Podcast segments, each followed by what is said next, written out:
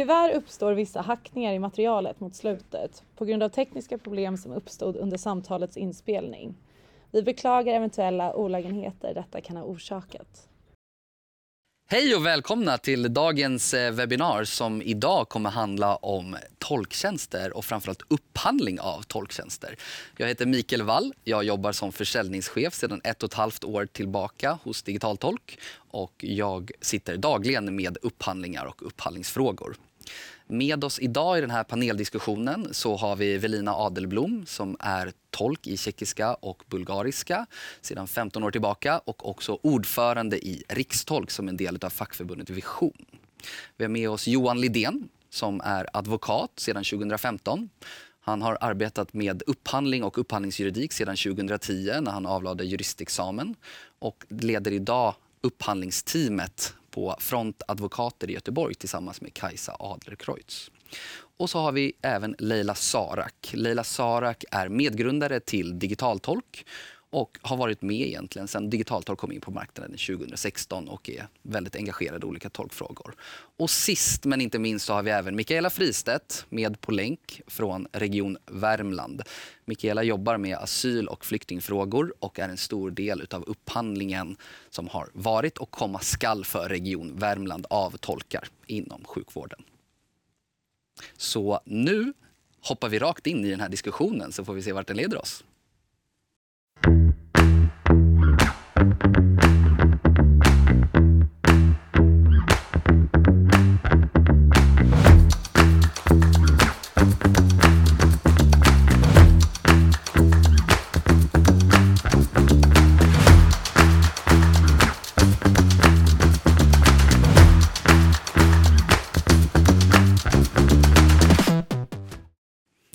och välkomna! Tack. Tack.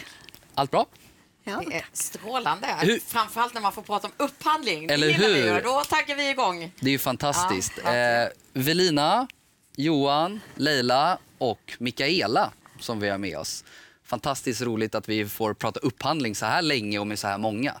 Eh, först och främst så tänkte jag bara ställa frågan, vad, vad, vad är er erfarenhet av upphandling? Vi vet ju, Johan, du, du är ju utbildad inom upphandling också, men om vi går varvet runt. Velina, hur, hur liksom inblandad är du i upphandlingar och vad, hur du har varit intresserad av upphandlingar sedan en tid tillbaka? ja, jag har varit intresserad av upphandlingar i kanske nio års tid. Sådär. Och eh, när jag upptäcktes eh, möjligheten att påverka villkoren, i alla fall de aspekter av förfrågningsunderlaget som berör tolkarnas villkor, alltså arvodet och olika villkor kring uppdraget, tolkuppdraget, och att man kunde påverka dem. För det är det mest omedelbara, man får det mest omedelbara resultatet eh, om man lägger förslag på ändringar och förbättringar och, och de accepteras. Så det, Så möjligheten att vara med och påverka egentligen fick ditt intresse för... det är det bästa sättet, det är det mest påtagliga sättet att påverka. Johan, eh, det vanligaste, nu kanske det jag som kanske är lite, liksom, har en viss bild, men det känns som att brottmål är det som är det sexiga inom advokat. Eh, Juridik och eh, upphandlingsjuridik framförallt, hur, hur kom du in på det? Ja, det var väl lite slumpartat kanske. Jag eh, intresserade mig för offentlig sektor eh, när jag skrev mitt examensarbete och eh, på den vägen kom jag in i, i offentlig upphandling. Och det, det är inget som jag ångrar. Det är ju verkligen ett spännande ämne. Det uppstår ständigt nya utmaningar och frågor. Eh, det händer väldigt mycket och det är ju inte minst en väldigt eh, samhällsviktig aktivitet också. Det är ju enorma medel som, eh, som spenderas varje år. Om vi öppnar det upp här där alla får hoppa in. Hur, hur har upphandlingsklimatet eh, förändrats? Alltså, jag tycker det har förändrats jättepositivt. Alltså, om jag tänker på hur, hur det var när vi började på, på Digitaltolk då. För det första då var vi ju nya, lite svårt att komma in, komma med nya lösningar och man kanske alltid har gjort på det sättet och vi ville liksom vända på det och vara med i den här digitaliseringsresan. Jag tycker att vi ser fler och fler som kommer ut med RFI där man faktiskt omvärldsbevakar, ställer frågor där man har möjlighet och där, där det finns ett genuint intresse att vilja göra bra. Ja. Och det tycker jag eh, överlag att vi ser blir bättre. Sen finns det ju ändå de upphandlingar som man kommer ut som man kan känna att men vänta lite nu, eh, har man inte tänkt man ska ändå sitta i de här i fyra år och kanske inte ha tänkt ut vilka konsekvenser blir det när jag inte upphandlar rätt. Eh, och kanske se att man som upphandlare också har ett ansvar i det som den upphandlande myndigheten också ska vara kvar i. Det är ju inte bara nu, det är ju liksom vad kommer framåt och hur ser det ut? Så att, men jag tycker ändå att upphandlingsklimatet, eh, jag vet inte eh, Johan, du som också, eh, eh, jag vet inte vad du, vad du tycker, men jag, jag, jag tycker ändå det har blivit positivt. Ja, men vi ska väl lägga till där också RFI, Request for Information. Det är väl egentligen när man går ut och frågar så här hade vi tänkt att det ser ut. Vi tar jättegärna emot din input innan man då kommer upp med en upphandling. Eh, hur, hur, hur vanligt är det med RFI eller de här externa remisserna? Är det någonting som trendar, ökar? Vad, vad, vad har du därifrån Johan om du tittar på stort? Min känsla är väl att det är ganska vanligt eh, nu för tiden. Eh, sen är det klart det varierar eh, med inköp. Eh, Och från bransch till bransch? från, från inköp till inköp. Eh, sen tycker jag väl någonstans också att eh, den här utvecklingen från Högsta förvaltningsdomstolen när man nu har liksom, eh, lagt en ganska tuff eh, påtalande skyldighet på leverantörerna att lyfta eventuella problem och fel redan under anbudstiden. Den tycker jag gör också att eh, i någon mening kan ju även anbudstiden fungera som eh, en, en RFI. För att nu, nu finns ju ännu starkare incitament för eh, leverantörskollektivet att eh, påpeka saker och kanske också ännu större incitament för då upphandlande myndigheter att, att eh, ta det här på allvar och, och faktiskt göra justeringar eh, eh, och, och kanske då även förlänga eh, anbudstiden. Eh, och, och det har, har ju också fördelen jämfört med en RFI tycker jag att då är ju läget skarpt. Ja. Eh, är det sista anbudsdag i antågande då kommer leverantören att tvingas eh, läsa det medan man ibland kanske inte har liksom, resurser att eh, lägga samma frenesi på att granska en, en RFI.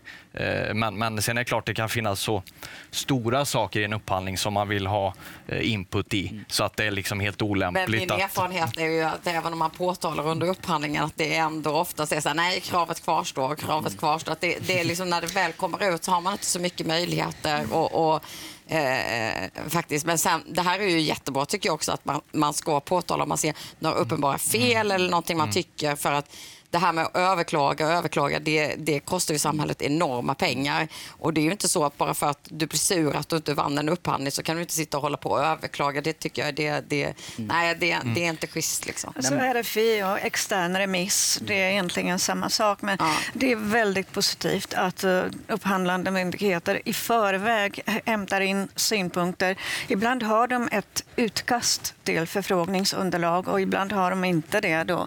De bara mm, ställer frågor. Och eh, det är ganska öppna frågor eller det är fritt fram att lämna synpunkter på saker som de inte heller frågar om för de tänker inte på allt från alla aspekter. Men de här RFI-erna och externa remisserna, de förebygger mycket. Ja, jag tycker det är superbra. Det gjorde ju eh, ni på Region eh, Värmland var ute och gjorde en RFI. Så det är ju toppen. Verkligen jättebra. Och det är ju så att... Men jag kan säga, jag, om jag får hoppa in bara och säga att eh, det beror lite grann på vilken upphandlare man har. Och vi har ju bytt några upphandlare nu under i princip varje upphandling som har gjorts så har vi haft en ny upphandlare. Och de har alla sin egen stil så att säga. Och den som vi har nu, han är helt ny och han kommer från kommunen. Så där har han jobbat mycket med RFI, så därför har vi gjort en sån nu. Ja, för det vanligaste, eh, Mikaela, är ju att man säger att man inte hinner med en RFI eller liknande och tid är ju pengar. Men det som vi är inne lite på här så känner man ju att det kan ju förebygga så mycket så att det inte blir konstigt eller att det blir felaktiga upphandlingar och sådär också. Så ja, kan vi alla liksom stå bakom att göra flera RFIer och Ja, ta in från absolut. marknaden? För att om man eh, tack vare en RFI undviker överklaganden i framtiden då faller det här argumentet om att man inte har tid bort. Och sen, eh, alltså, det är omöjligt för en upphandlare att, veta omvärldsbevaka hela tiden i alla områden. Jag menar, en upphandlare sitter ju inte bara med den här unika samhällstjänsten. Nej. Det gör ju också att, jag menar, vi har många, ja, men det här är jättebra, vi får vara nöjda med det här. Man kanske inte vet att nej, men man kanske inte alls behöver vara nöjd med det här, för det, det finns det här och det har kommit det här och det har kommit nya saker som faktiskt också förbättrar f- för alla parter. Så att det, det är ett sätt också att få reda på vad finns det där ute på marknaden. Eh, vad, vad kan de här leverantörerna, vad har hänt eh, och vad kan de erbjuda oss som hjälper oss i vår organisation? Och en annan, ursäkta, en annan sak är att de som upphandlar och de som utformar förfrågningsunderlaget, jag som tolk och vi som tolkar märker att det där tolkperspektivet saknas. I många fall saknas det. De tänker helt enkelt inte som en tolk och bedömer inte sitt förfrågningsunderlag från det perspektivet. Så att de har, det finns all anledning för myndigheter att genomföra, eh, inhämta synpunkter i förväg. För de kan, annars utgår de ifrån att de kan redan allt, de vet redan allt, de har redan bedömt hela förfrågningsunderlaget från alla perspektiv och det har de ju inte. Nej. Men sen, det jag tycker också det är att vi ser det mer och mer i upphandling, det här med kompetens. Och där kan jag säga, den, den frågan har ju vi drivit väldigt hårt på digitalt håll. Det ska ju löna sig och där tycker jag också myndigheterna har en skyldighet. För att så länge kompetens inte lönar sig eller man, man anställer lägre nivåer och kanske tjänar mer pengar på det och, och får sämre kvalitet, då, då, då, då, bidrar ju, då, då bidrar ju alla till att det blir en, en dålig marknad och det blir också ett dåligt resultat. Så att jag tror att vi ser ändå det att man, jag tycker att det har ökat förståelsen också för, för, för tolkarna och väckt in tolkarnas perspektiv mycket mer. Sen är det, det är alltid svårt i de här frågorna för om man ska lyssna in på varje enskild människa så även inom tolkkåren tycker man ju olika saker. Så att det är liksom, Men det finns ju vissa grundläggande grejer som jag tänker att vi kan vara gemensamma om. Ja. Och där är ju kompetens och fackterminologi och hela den biten vad man har för utbildning jätteviktig. När det kommer ut upphandling inom sjukvården till exempel, vi har alldeles ett, nyligen ett exempel på det igår, där man inte prioriterar sjukvårdstolkar. För mig, jag kan inte förstå eller, eh, att man inte gör det. Mm.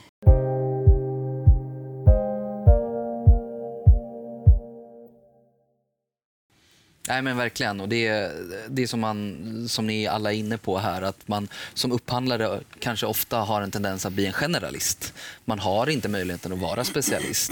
Eh, nu jobbar eh, Johan väldigt mycket med upphandling generellt och sådär, men om man tittar på jag själv, jag är ju inte bara här för att guida, jag sitter ju också själv med upphandlingar.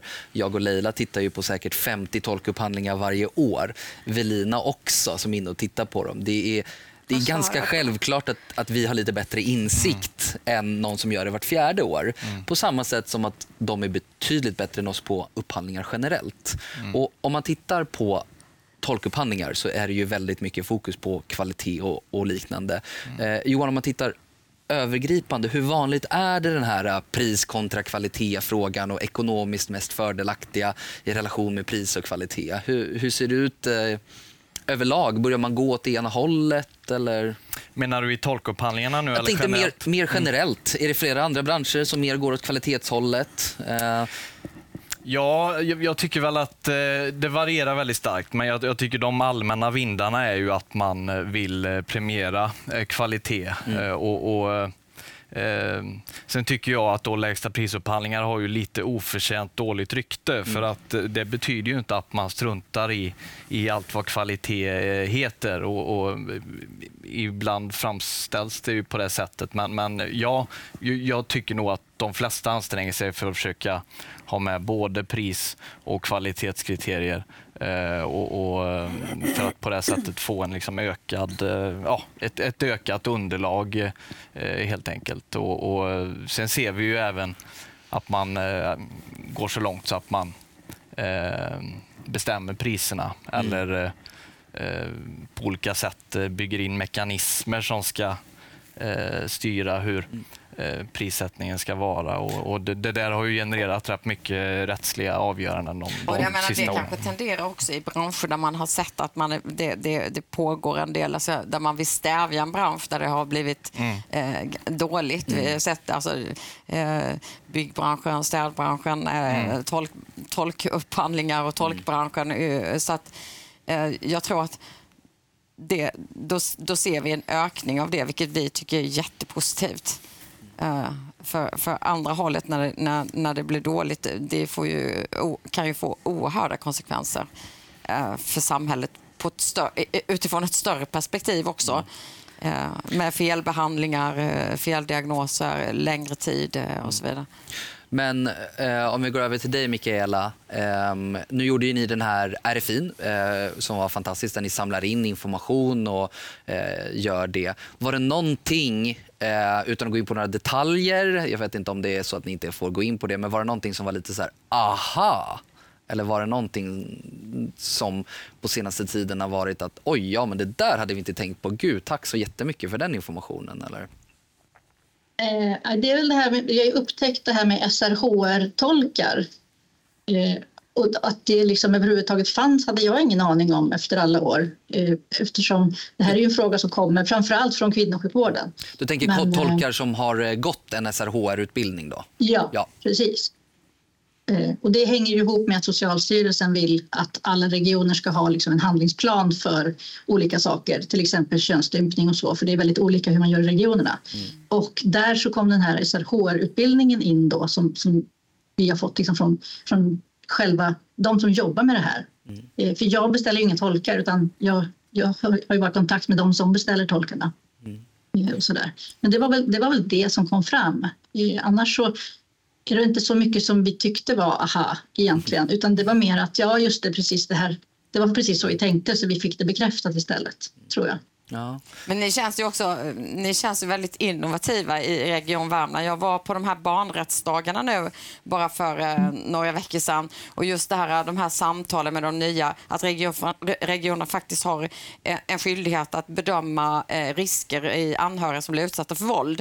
Eh, där man är ett projekt då, det är ju universitetet, Region Värmland och kommuner i regionen som gör ett projekt eh, med Birgitta Persdotter i, i spetsen ifrån Karlstad universitet. Där man pratar, om, man pratar ju väldigt mycket om jämlik vård eh, men där man också ska prata om, om hur man bedömer de här samtalen på, eh, på ett eh, bättre sätt och hur tolkarna kan medverka i det. Eh, så de, de frågorna tycker vi ju är jätteintressanta. Och det är ju eh, någonting som är ganska unikt då för tolkbranschen eh, är ju det här att man har tre relationer egentligen. Det är ju en tolkförmedling och sen är det tolkar som då ofta är frilansande eh, och sen så är det upphandlade part. Då. Eh, Velina, du som är ordförande i Rikstolk, vil, vilka frågor, vilka kriterier känner är viktiga från er att få in i upphandlingar från tolkens perspektiv? Kriterier på vad? Till exempel vad som är viktigt för att ni ska känna att det här är en bra upphandling för er tolkar. Eh, avbokningsregler, ersättning. Ja, och, och naturligtvis är arvodet väldigt viktigt. Det är helt avgörande.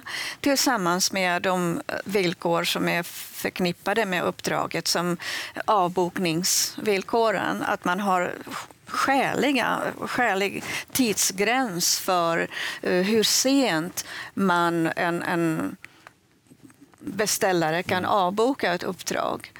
Ofta är de Får där jag tids... fråga dig då, Velina, får jag fråga dig, eh, vad är skäligt? För det där diskuterar vi ganska mycket i, vad är liksom rimligt att sätta? Det, det är svårt för oss att veta det. Alltså, den tidsgräns för sen avbokning som tillämpas i det statliga avtalet är 48 timmar. Och då räknar man inte med lediga dagar, helgdagar, utan 48 timmar över vardagar. Och eh, vi tycker att det är, det är rimligt och skäligt. Nu när det gäller tolkning på distans och sådana här korta uppdrag på en timmes, en halvtimmes uppdrag, där kan vi acceptera en kortare tid som 24 timmar som en skälig avbokningstidsgräns för sen avbokning. Men de som är på plats, som bokas tidigare med större framförhållning ofta och som är svårare att få ersättning för, alltså hitta eller bli erbjuden en, ett annat uppdrag istället om man blir avbokad. Där tycker vi att 48 timmar är helt rimligt. Och, och sedan beror det väldigt mycket på, det är olika från språk till språk. Ja, jag skulle vilja säga det att det handlar ju också om vad det är för språk. Pratar du arabiska, ja. Ja. men då, då är det ju väldigt lätt att få ett ersättningsuppdrag. Du har ju, hinner ju inte blinka så har du ett. Medan är det tjeckiska, Ja. då är det ju inte lika lätt att få ett eh, ersättningsuppdrag. Ja, precis. Alltså, när man talar om villkor och vad som är rimligt så måste man egentligen tänka på att varje språk är sin egen marknad. Mm. Men vi kan inte utforma, ha villkor olika för Nej. olika marknader. Vi har samma villkor för alla språk och då måste man acceptera att det blir väl bra för vissa språk och det blir dåligt och, och, och otillräckligt för andra språk. Så är det. En annan parameter som jag tänker på och som jag inte vet om ni kanske har tittat på och diskuterat också, det är ju den här tidsaspekten som man har, eh, Mikaela, för eh, när en tolk ska få ett uppdrag. Eh, det, vill ju ofta, det skriver ofta myndigheter att de vill få liksom snabbt. Samtidigt har vi ju liksom tolkarna då som, som i sin tur inte vill... De, det, det blir väldigt stressigt för dem att få alla de här... Att man skulle vilja ge kan man ge tolkarna lite längre tid, lite egen tid och ha möjlighet att kika i sina kalendrar, ta sitt uppdrag, då höjer man ju också möjligheten till att de tolkarna med högre kompetensnivå faktiskt har tid och kan ta. Så att om man bara kan ge dem, är det en, lång framförhållning, då kan man gott ge lite längre tid innan man ska få den här bekräftelsen att man har fått en tolk. Och det tror jag har att göra med att man har satt de här snäva, är att man inte riktigt har kunnat lita på att man ska få en tolk. Eh, så att det, där tror jag att man ska tänka om lite, ge tolkarna lite längre tid. Då kommer man få högre nivåer och istället välja, eh, alltså säkerställa att man faktiskt får en tolk på annat sätt genom att låta tolkförmedlaren kanske presentera hur de löser det och, och vad man har för tillsättningsgrad. Eh, Det, är- det, hur man har arbetat vad man har för eh, statistik på det och hur man jobbar i de frågorna. För att det är någonting Får som jag vi... säga en sak? Ja. Eh, att, eh, jag tänker på, vi har ju ganska mycket akut verksamhet också. Och där är det ju då alltid tolk on demand, eller vad man ska kalla det. Eh, och vi har även andra verksamheter som inte är akuta, men de har så väldigt många uteblivanden. Alltså vissa, vissa personkretsar och vissa till exempel då asylsökande och vissa väldigt nya nyanlända som kanske inte har förstått liksom hur det funkar med tider och passa och så.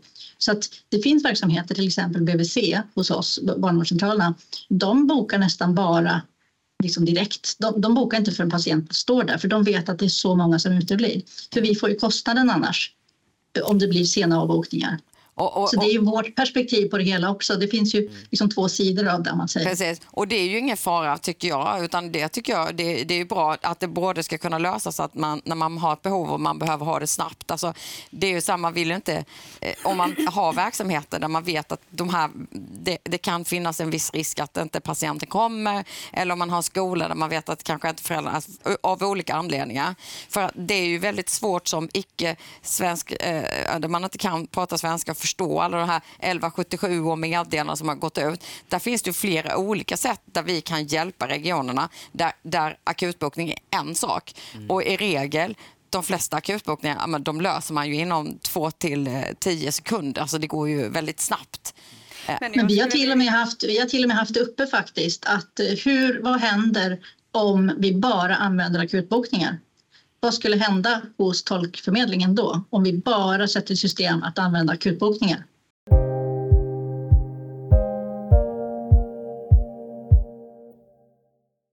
Och det är ju någonting som skulle eh, fungera på de större språken. Eh, tittar man på de mindre språken där det är tolkar som kanske inte har det här som heltidssyssla eller liknande, då blir det lite utmaningar. Sen så sätter det ju andra krav på vad det är för typ av tolkning också. Det vet ju Velina mer om. Det här med vissa behöver man förbereda sig mer till medan eh, andra är lite mer att man eh, kan ta ursäkta uttrycket, på uppstuds och sådär.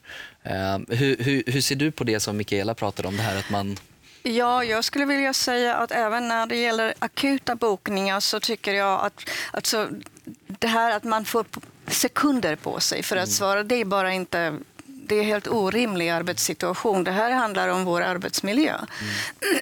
Och att eh, dagarna är ända leva med den här stresspåslaget eh, som, som det innebär. Att man, man har en några sekunder på sig för att fånga ett uppdrag som dyker upp i, i appen det är verkligen, eh, det tär på hälsan. Det sliter på hälsan det här. Och hur- och, jag tror att det går att ordna. För att när det kommer en, man väntar en besökare och i den här situationen där risken för att eh, den bokade personen inte dyker upp. Jag tror att även där finns det ett, ett, ett utrymme att ge tolken fem minuter, några minuter. För att så generös med tiden måste man ändå kunna vara. Och kanske boka lite extra tid för att eh, för att försäkra sig om att man får en tolk med, med högre kompetens förhoppningsvis. Men överhuvudtaget för att inte skapa den här hemska miljön med med, upp, med förfrågningar i appen som kräver att, som, där det krävs en reaktion på sekunden. Hur, men, hur, jag tänker så här, jag måste säga, för där har ju också vi som leverantör ett ansvar också att säkerställa hur våra funktioner funkar. För att jag har, å andra sidan, alltså nu sitter jag med väldigt många tolkar och har åsikter och synpunkter och där vi har utvecklat lösningar för precis för att man själv ska kunna välja, ja men nu under den här perioden är jag tillgänglig och kan ta akuta uppdrag och då är man ju mer förberedd på det om man har själv gjort ett aktivt val att man vill göra det. Och jag har ju också haft väldigt många tolkar och jag tror det är lite också beroende på vad det är för språk. För att många kanske har en halvtimme att slå på sig för att då kan de vara tillgängliga för 20 minuter så på det sättet kan man ju också Eh, eh, ena sidan är det kanske stressigt men man har också å andra sidan de tolkarna som faktiskt också väljer där de kan, där de kan ta ett uppdrag till. Om det kommer in ett uppdrag på en kvart, ja men då kan de ta det. Så att jag tror att det, det är liksom sen- en sen så- balans i det lite. Ja, man behöver ju hitta balansen där också. För i de fallen som det är akut, akut för patienten också. Vi kan titta på Mm. akutsjukvård och liknande. Då kan ju sekunder vara avgörande för, på, mellan liv och död också.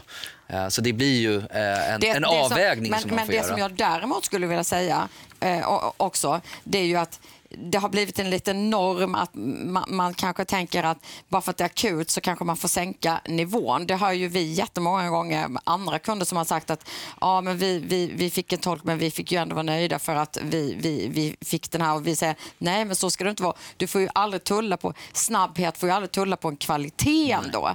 Eh, till exempel tar vi Region Stockholm som ett exempel som jag också tänkte på nu när, när jag pratade. De kan ju inte ens boka en akut sjukvårdstolk. Det går ju inte i deras... Eh, alltså de kan inte göra det. Det är ju också därför vi har haft många som, som har bokat eh, att Region Stockholm då i de fallen har, har, har vänt sig till oss, även om inte vi upphandlar leverantörer. Går det snabbt och det är akut, då är det ännu mer viktigt att man får en hög kompetens och, och en kompetens som matchar just det medicinska område som, som, som det berör.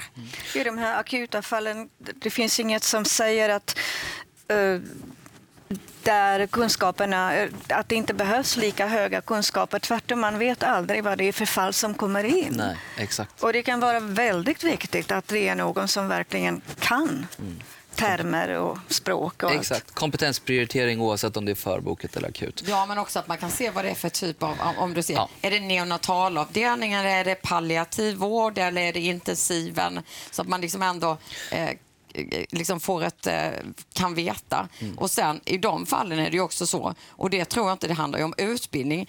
Är man tolk och har tagit ett uppdrag, jag menar, det finns ju också så man kan skriva in information och förbereda tolk, vilket är jättebra om det är något särskilt. Men att man har ju också alltid rätt att avsäga sig ett uppdrag. Och det är ju jätteviktigt och det är en jätteviktig del inom god tolksed. För är det så att man inte behärskar eller av någon anledning känner att man inte klarar av det så har man alltid rätt som tolk att säga och en skyldighet till och med som tolk att säga nu kan jag inte, gen-" för man får aldrig någonsin äventyra en patient eller en rättssäkerhet.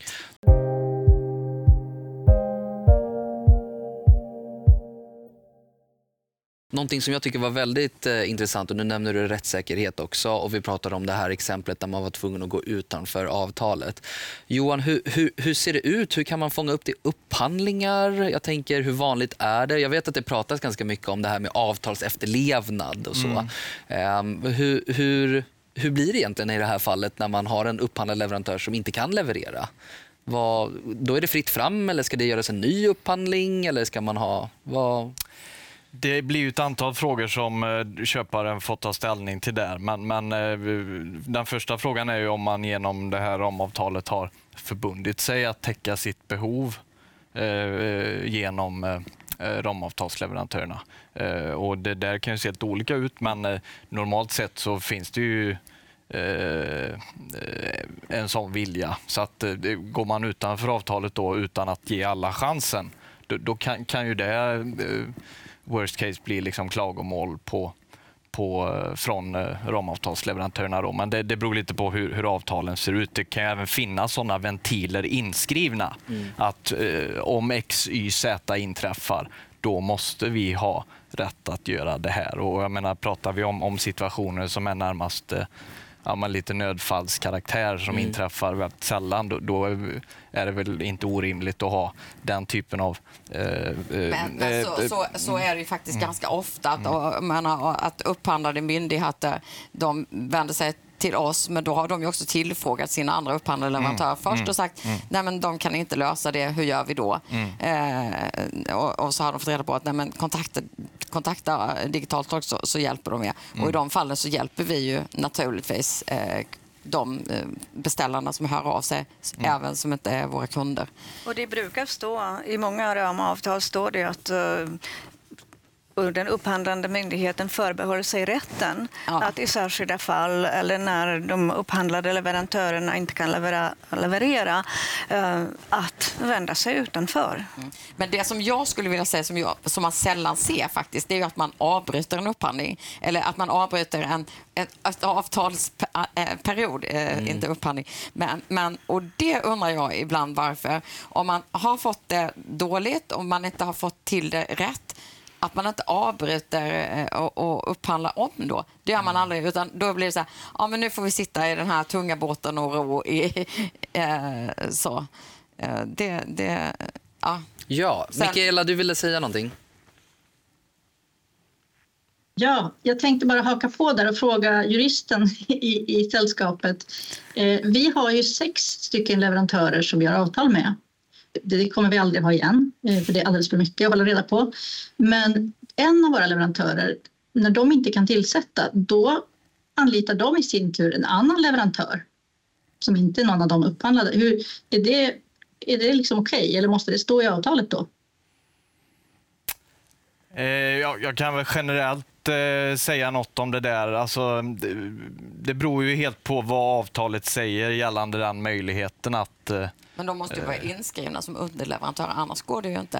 Eh, man kan ju säga normalt sett så, så vill man ju som beställare ha eh, svart på vitt vilka som är underleverantörer och, och medhjälpare eh, såvida det är leverantörer av liksom en, en betydelse för för eh, tjänsten. Så att jag skulle säga majoriteten av avtal har ju det inskrivet mm. att du mm. måste anmäla de här och de ska kontrolleras på visst sätt de ska och godkännas. Uppfyllas, alltså, I regel är det så, under, nu har ju inte vi, vi jobbar inte med underleverantörer så vi jobbar inte så, men, men jag menar de ska ju ha samma skyldigheter mm. som, som det eh, bolaget som ska genomföra det med det kan ju vara mycket lättare om man använder underleverantörer att man kringgår avbokningsregler mm. eller tolkarna eller arvoden mm. eller kanske inte ens uppfyller de kraven som en, en myndighet har. Så jag, jag vet Men, inte. Eh, den leverantör som har underleverantör är deras huvudman, eller hur? Blir det inte så? Att under, man är huvudman för sina huvud... Och, mm. och som huvudman ansvarar man för ja. dem. Så att det faller precis. på leverantör, den upphandlade vi har ju avtal med förmedlingarna. Vi har ju inget avtal med tolkarna utan eh, ja. förmedlingen har ju då en himlans massa underleverantörer, nämligen tolkarna. Mm. Så som vi ser det. Och där är ju någonting som ofta, det är nästan den vanligaste frågan skulle jag säga eh, i upphandlingar, är att just tolkupphandlingar, det här med att man säger att frilansande tolkar inte ska räknas som underleverantörer. Och är det inte Står det inte klart och tydligt i en upphandling så kan du ge dig tusan på att det kommer fem, sex stycken mm. olika frågor in mm. i det här också. Så. Bara Men, som ett förtydlig man begär ja. ett förtydligande för att förvissa sig om, för det ska vara klart och tydligt att tolkar inte är att anse som underleverantörer.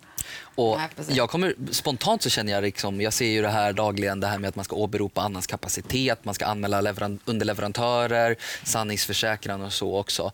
Jag känner spontant bara att det här är ett ett exempel för, för dig Mikaela, om det är så att det är en förmedling som anlitar kanske en annan förmedling eller liknande, så kan det ju vara så i det fallet att man, de ska ju ha samma krav på sig.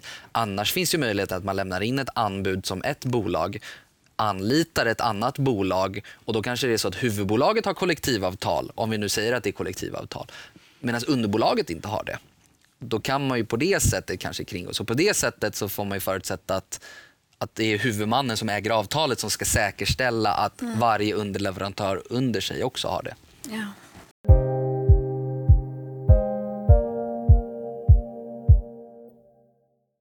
Ja, i annat fall är det avtalsbrott. Mm. Ja, det skulle jag också säga att det är avtalsbrott om, om man använder underleverantörer. Fast det, det, juristen kan ju det bättre. Jag tror faktiskt att det är så att man måste se vad det står i avtalet. Ja. För har man sagt att, att det är okej, man kan ju ha sagt att underleverantörer, att man får lov att använda det. Så man måste ju titta på varje enskilt unikt avtal för att se vad står det. Och har man, står det klart och tydligt att man ska ange underleverantörer, som till exempel om vi nu tar Kammarkollegiets avtal, så de upphandlade leverantörerna, men de får ju ha underleverantörer. Men underleverantörer måste ju bli godkända av Kammarkollegiet, vilket betyder att du skriftliga måste ju eh, antar jag, för att annars blir det fel. Ja, men det står i den upphandlingen också så står det att varje eventuell underleverantör ska skriftligen godkännas av Kammarkollegiet. Så det är ju ett sätt där så för Mikaela i Men det och här så fallet. står det ju ofta i, i, i Ja. anbud att, att underleverantör ska skriftligt. Mm. Nu har ju inte vi den erfarenheten, ska jag säga, för vi, vi använder ju inga underleverantörer och vi är inte heller underleverantörer till någon. Nej, men verkligen. Och, och om man går vidare, det här kan man ju nästan säga är lite som skulle kunna vara ett litet fel i en upphandling, att man kanske inte berör det här. Vad, vad, vad känner ni som har varit med? Vad är det vanligaste felet i, i, i upphandlingar och i tolkupphandlingar? Vad, någon som vill ta ordet? Vanliga felet, det, det, det, det, vet jag inte, men däremot så, så att man kanske inte tittar på eh, att man inte... Det vanligaste felet som jag, jag skulle vilja säga, det är ju när man ställer krav som man bara kan svara ja på och så, så, så bockar man liksom bara av. Och, och man inte heller följer upp. Alltså jag har sett upphandlingar där viten har varit extrema, där vi som har valt att inte svara på det, för vi har tyckt att det har varit helt oskäligt. Där jag sen har följt upp i den eh, regionerna eh, vad, hur mycket avvikelser det har varit och det har varit enorma avvikelser. Har man har man lagt något vite på den leverantören? Nej, det har man inte gjort. Och då, liksom, det är ju som, det, det, då faller ju liksom hela... Att jobba med morötter, att faktiskt premiera kvalitet och även premiera det för de leverantörerna som faktiskt levererar. För så kan du driva fram en eh, ansvarsfull bransch.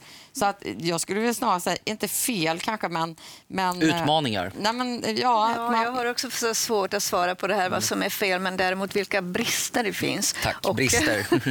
och det här med att upp, eh, upphandlingarna inte, att eh, de upphandlande myndigheterna inte följer upp utfallet av sina ramavtal under, eh, som varje kvartal och varje, med jämna mellanrum och ganska korta mellanrum också. Utan de begär, kanske säger att leverantören ska lämna in statistik eh, en gång per år, vilket är alldeles för sällan. Och då är också framförallt, hur lämnar man in den statistiken? Jo, via en Excel-lista.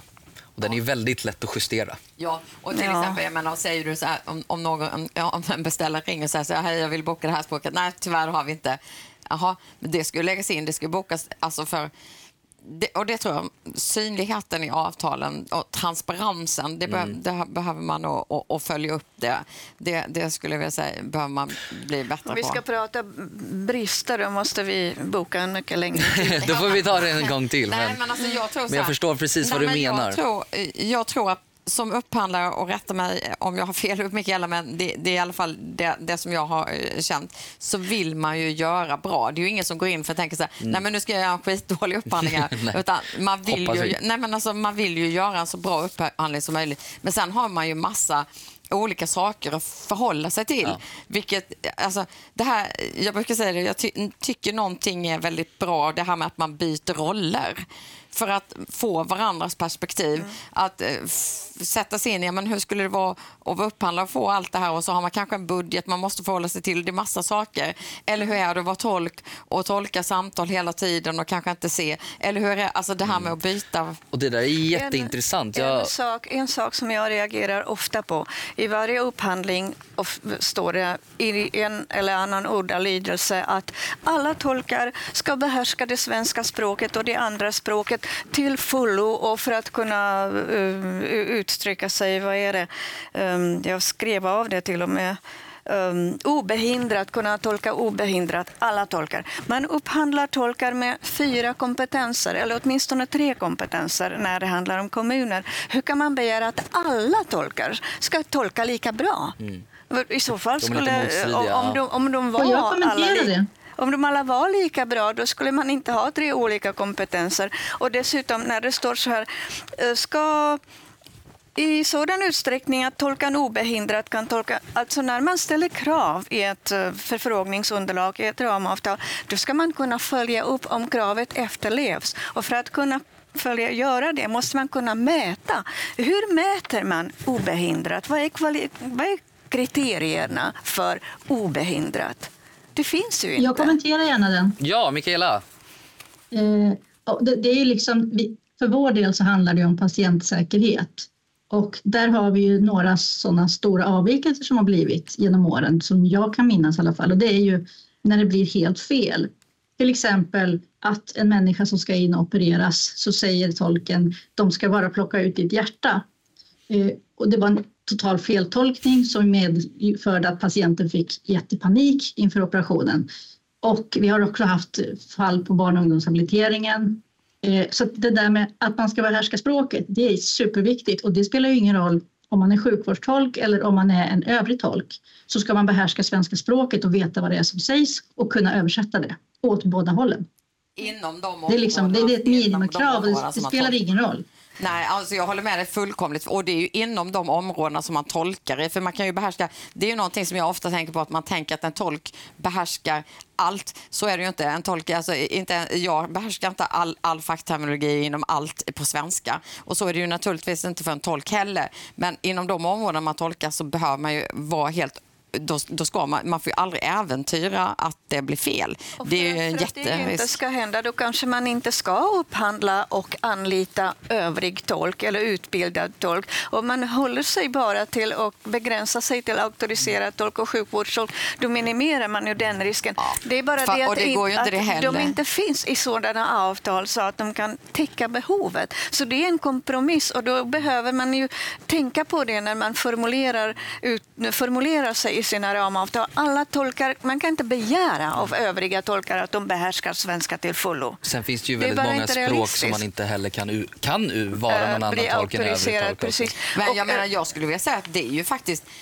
Eh, nej, det är vår skyldighet som, som, eh, som eh, leverantör att säkerställa att de tolkar vi har som tolkar inom de områden som de är verksamma i, att de behärskar det. Att vi, jag, menar, jag har till och med varit med vid, något tillfälle där det har varit till exempel väldigt ovanligt språk där man sen har ringt och sagt ja, och då kan man förbereda beställaren eller kunden på det och säga så här att ja, vi, det, det är jättesvårt det här och vi har en, men och då vet de det och då kanske man kan anpassa det. Men men man kan ju inte, att det ska bli rätt eh, och rätt diagnos. Alltså, vi har ju sett sådana exempel. Jag har flera stycken exempel som jag har kunnat dra. Nu senast var det ju en vårdcentral som inte, där vi inte upphandlade och det var ett, det var ett litet språk där de kontaktade oss och sa att vi, vi har använt en tolk och vi, vi, vi, vi tror att det har blivit fel här för att de såg att värdena på den här patienten var så illa så att det riskerade patientens liv faktiskt och undrade ifall vi kunde hjälpa dem. Och då tog de en tolk ifrån oss och där de kunde se, och det är inte ofta att kunderna sen kontaktar en och säger att det här kunde vi, men det gjorde de i detta fallet och sa att nu hade patienten Helt plötsligt förstod patienten vad det handlade om, vad den behövde, hur den skulle ta sin medicin, hur den skulle leva och nu gick värdena åt rätt håll. Hade den fortsatt ha eh, inte fått rätt information, då hade den patienten kanske inte ens levt. Nej. Så att jag tycker att det är vår sak som, som leverantörer att ta ett stort ansvar i vilka tolkar vi tillsätter på uppdragen och också kompetensprioritera. Och är det en upphandling där det inte är kompetensprioritering inom sjukvården, då kan man faktiskt som leverantör vara så kaxig att man kan säga då är vi inte med på den. Till exempel Region Gotland. Nej, men vi valde, då är vi inte med på den. Ja, men det är den Och- bästa signalen, att Ja. inte lägga anbud.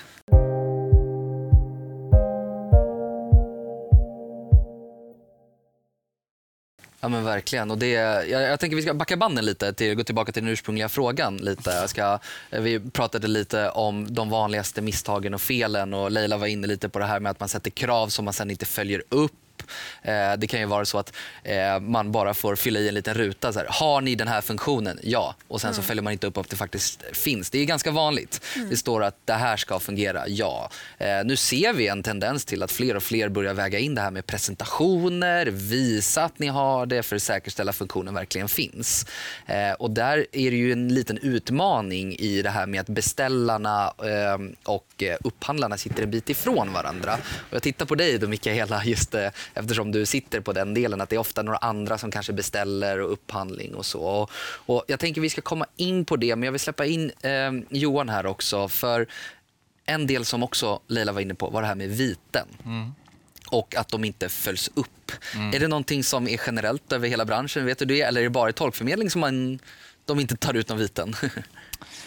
Jag skulle nog tro att det kan nog finnas lite eh, tveksamheter över hela linjen där. Alltså, det är ju eh, ibland säkert en resursfråga. Eh, för eh, i regel ska du inte bara kvittera ut det här vitet utan du ska dessutom då eh, visa på ett entydigt sätt att det har varit ett sånt där fel så att vitet ska gå ut. Och, och så måste ju regleringen också vara i regel om den ska vara saklig och, och, och skälig. Liksom.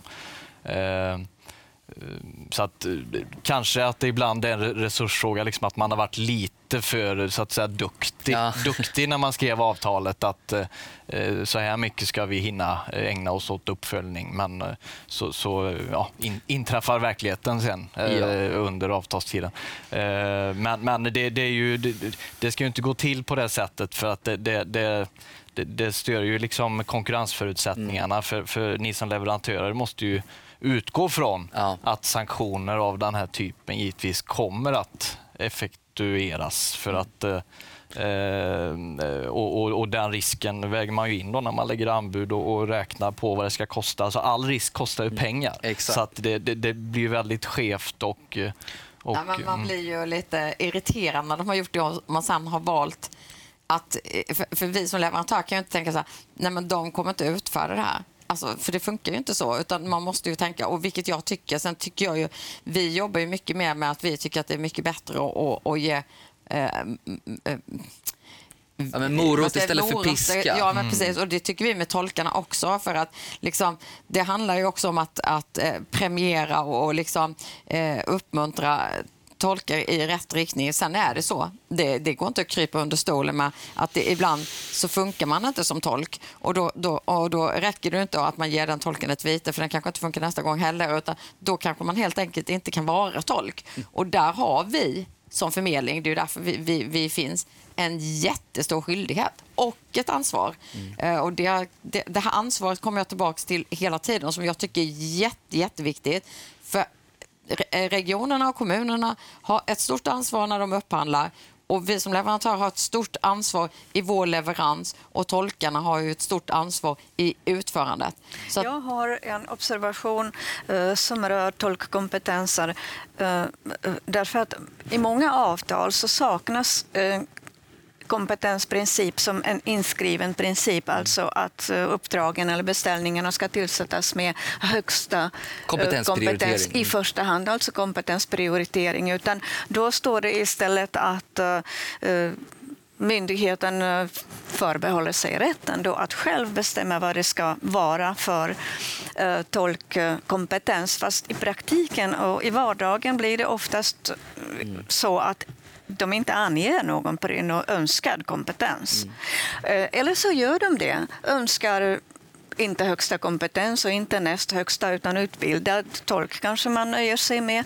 Och man vet inte efter vilka kriterier, här kommer vi in på kriterier, efter vilka kriterier den här beställaren går efter när den tycker att utbildad tolk det är lagom kompetens för det här uppdraget. Sen visar det sig att den här tolken, eller så är det övrig tolk, den inte räcker till. Ja, men det är en sån du beställde. Mm. Men, men tycker, Vad har du för rätt att klaga att Jag tycker faktiskt att vi ser att det kommer mycket mer kompetensprioritering, vilket vi tycker är jättebra. Mm. Den frågan har vi drivit väldigt starkt och mm. driver väldigt starkt för att det, det, det, och det har en större betydelse i, i, i samhället stort med kompetens.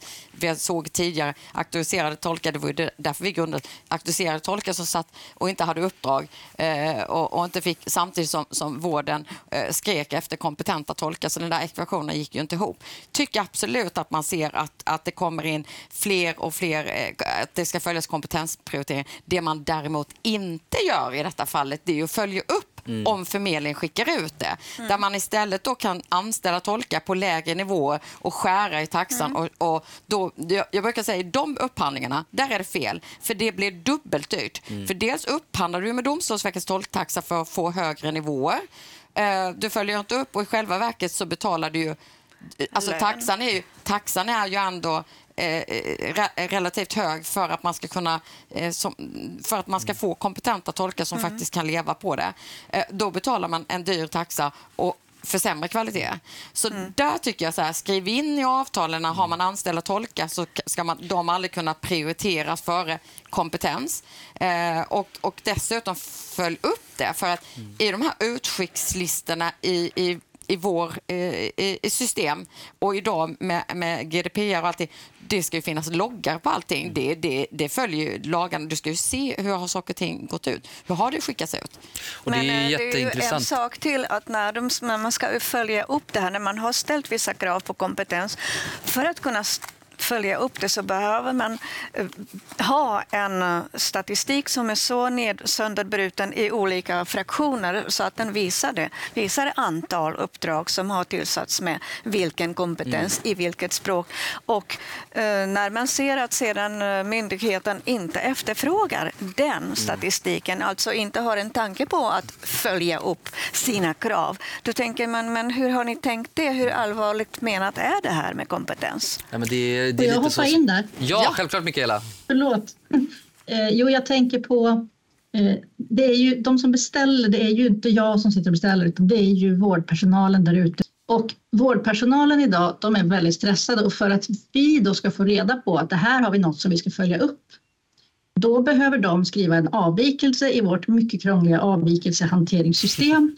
Mm. Eh, och det tar tid från deras jobb. Tid, alltså de, de, vissa äter inte ens lunch ibland, de hinner inte gå på toaletten. Så, så allvarligt är det. Mm. Och att de ska sätta sig och liksom skriva vi, vi, har försökt förenkla det. De behöver inte ens gå in när det gäller tolk. De behöver inte ens gå in i vårt avvikelsehanteringssystem som man då loggar in i och sådär, utan de kan skriva ett mejl till våran funktionsbrevlåda. Det är liksom det snabbaste sättet och så kort bara tala om vad som hände, vilket uppdrag det var och så skickar de en kopia till er. Men vi har drygt 2000 tolkuppdrag i månaden och på ett år så tror jag att jag får in kanske max 20 avvikelser. Och då handlar det om de här allvarliga sakerna som att man ska plocka ut någons hjärta och sådana saker. Mm. Eller att tolken sitter och klipper tånaglarna på en salong medan tolkar åt Centrum för traumatisk stress. Sådana saker, då, då får vi avvikelser. Men de här andra sakerna, mm. det är liksom, ja oj det var en, det var en dålig tolk. Det var lite svårt med kommunikationen. Mm. Sånt rapporterar man inte ens in. Nej, och där är det ju jätteviktigt eh, som upphandlare att sätta de kraven på ett enkelt avvikelsehanteringssystem så att man kan arbeta med det här. Och på samma sätt som det liksom bevisat att Domstolsverkets tolktaxa har lett till en ökad kompetensgrad, till ökade liksom, nöjdhet bland beställarna så är ju vi inne på, på samma sätt som att man får högre, mer betalt om man är en högre nivå av tolk, att också lägga till att förmedlingen får mer betalt beroende på vilken tillsättning av tolk vi gör. Ja, att det ska driva incitament ja. att man faktiskt vill göra det. Man jobbar med morötter, så här, då blir Precis. vi en självkontrollerande funktion. Skulle vi få om det är så att man kompetensprioriterar, det ska gå till sjukvårds och rättstolkar först och främst. Skulle tolkförmedlingen då få en högre än en övrig tolk då, ja, då kommer ju tolkförmedlingen göra allt de kan. Pussla i scheman, sen, sen bidra sen, till sen utbildning Sen är det ju såklart lite också. olika, för vissa språk finns det ju inte. Nej, men, exakt. Men, men, men i, i, det stora, I grundprincipen, i det stora hela. Ja.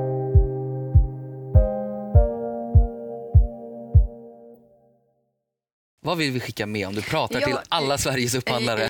Uppföljningen den, den är verkligen jätteviktig. Och det vet man på myndigheterna själva, men det är den, det här med tidsbristen och, och allting, att de inte hinner. Men det, det straffar sig. Det, det slår tillbaka mot en själv. Det slår tillbaka. Johan, avslutningsvis. Det har varit väldigt mycket tolk. Ja. Du är expert på upphandling. Ja. Vi pratade om att vara generalist och specialist. och så här. Vad, vad kan du ta med dig härifrån? Hur känner du att eh, du förhoppningsvis har blivit lite klokare? Verkligen, verkligen. Nej, men jag, jag skulle nog vilja slå ett slag för eh, de här komplexa frågorna som uppstår i den här trepartsrelationen mellan beställare, förmedling och tolk. Att det är ju balans där. Och vad, vad det gäller att försöka leta efter för att få så optimala villkor som möjligt, det är ju att liksom, kanske beställaren gör en liten, liten uppoffring bara, s- som är liksom egentligen eh, marginell för beställaren. Eh, men som blir då mycket bättre för eh, förmedlingen. Och Skriv inte bara kravet kvarstår. Precis, precis. Och jag, Och sen digitaliseringen, där måste man ju absolut ha upphandla leverantörer, syna leverantörerna, upphandla leverantörer som tar ansvar och syna det ansvaret. Det skulle jag verkligen skicka med. För att det, det, det kommer med ett ansvar att vara leverantör i de här oerhört viktiga samhällsfrågorna. Vi ska, måste släppa in Mikaela också så att hon får ta del av det här också. Mikaela, vad, vad tar du med dig från eh, idag och lite, Ja, jag- vad, vad känner du? Nu har du hem och fila på upphandling. Ja, ja, men jag, jag håller med Leila där som, som du sa på slutet och vi har ju insett också, och det är kanske tack vare att jag har varit med länge, eh, man, vi, regionerna ska ägna sig åt hälso och sjukvård. Vi ska inte ägna oss åt att skapa system för olika saker utan vi ska upphandla tolk och vi ska också upphandla ett system för hur vi bokar, hur vi fixar allting. Det ska få möjlighet att liksom, för inte säga att ni ska ha så många språk som möjligt. Jätteintressanta Och jag vill dialoger. bara säga en avslutande sak. Det finns ju både generella och unika utmaningar att förhålla sig till. Så det skulle jag också skicka med. Perfekt. Hörrni, tusen tack för att ni var med på det här. Och eh, ja, som eh, ni märker av så finns det väldigt mycket att prata om när det gäller upphandling. Och eh, om vi sammanfattar så vet om vad det är. Så att det inte blir tomma hot. Så med det tack, så, eller med det sagt säger man. Det finns hur mycket som helst att prata om. Tusen tack.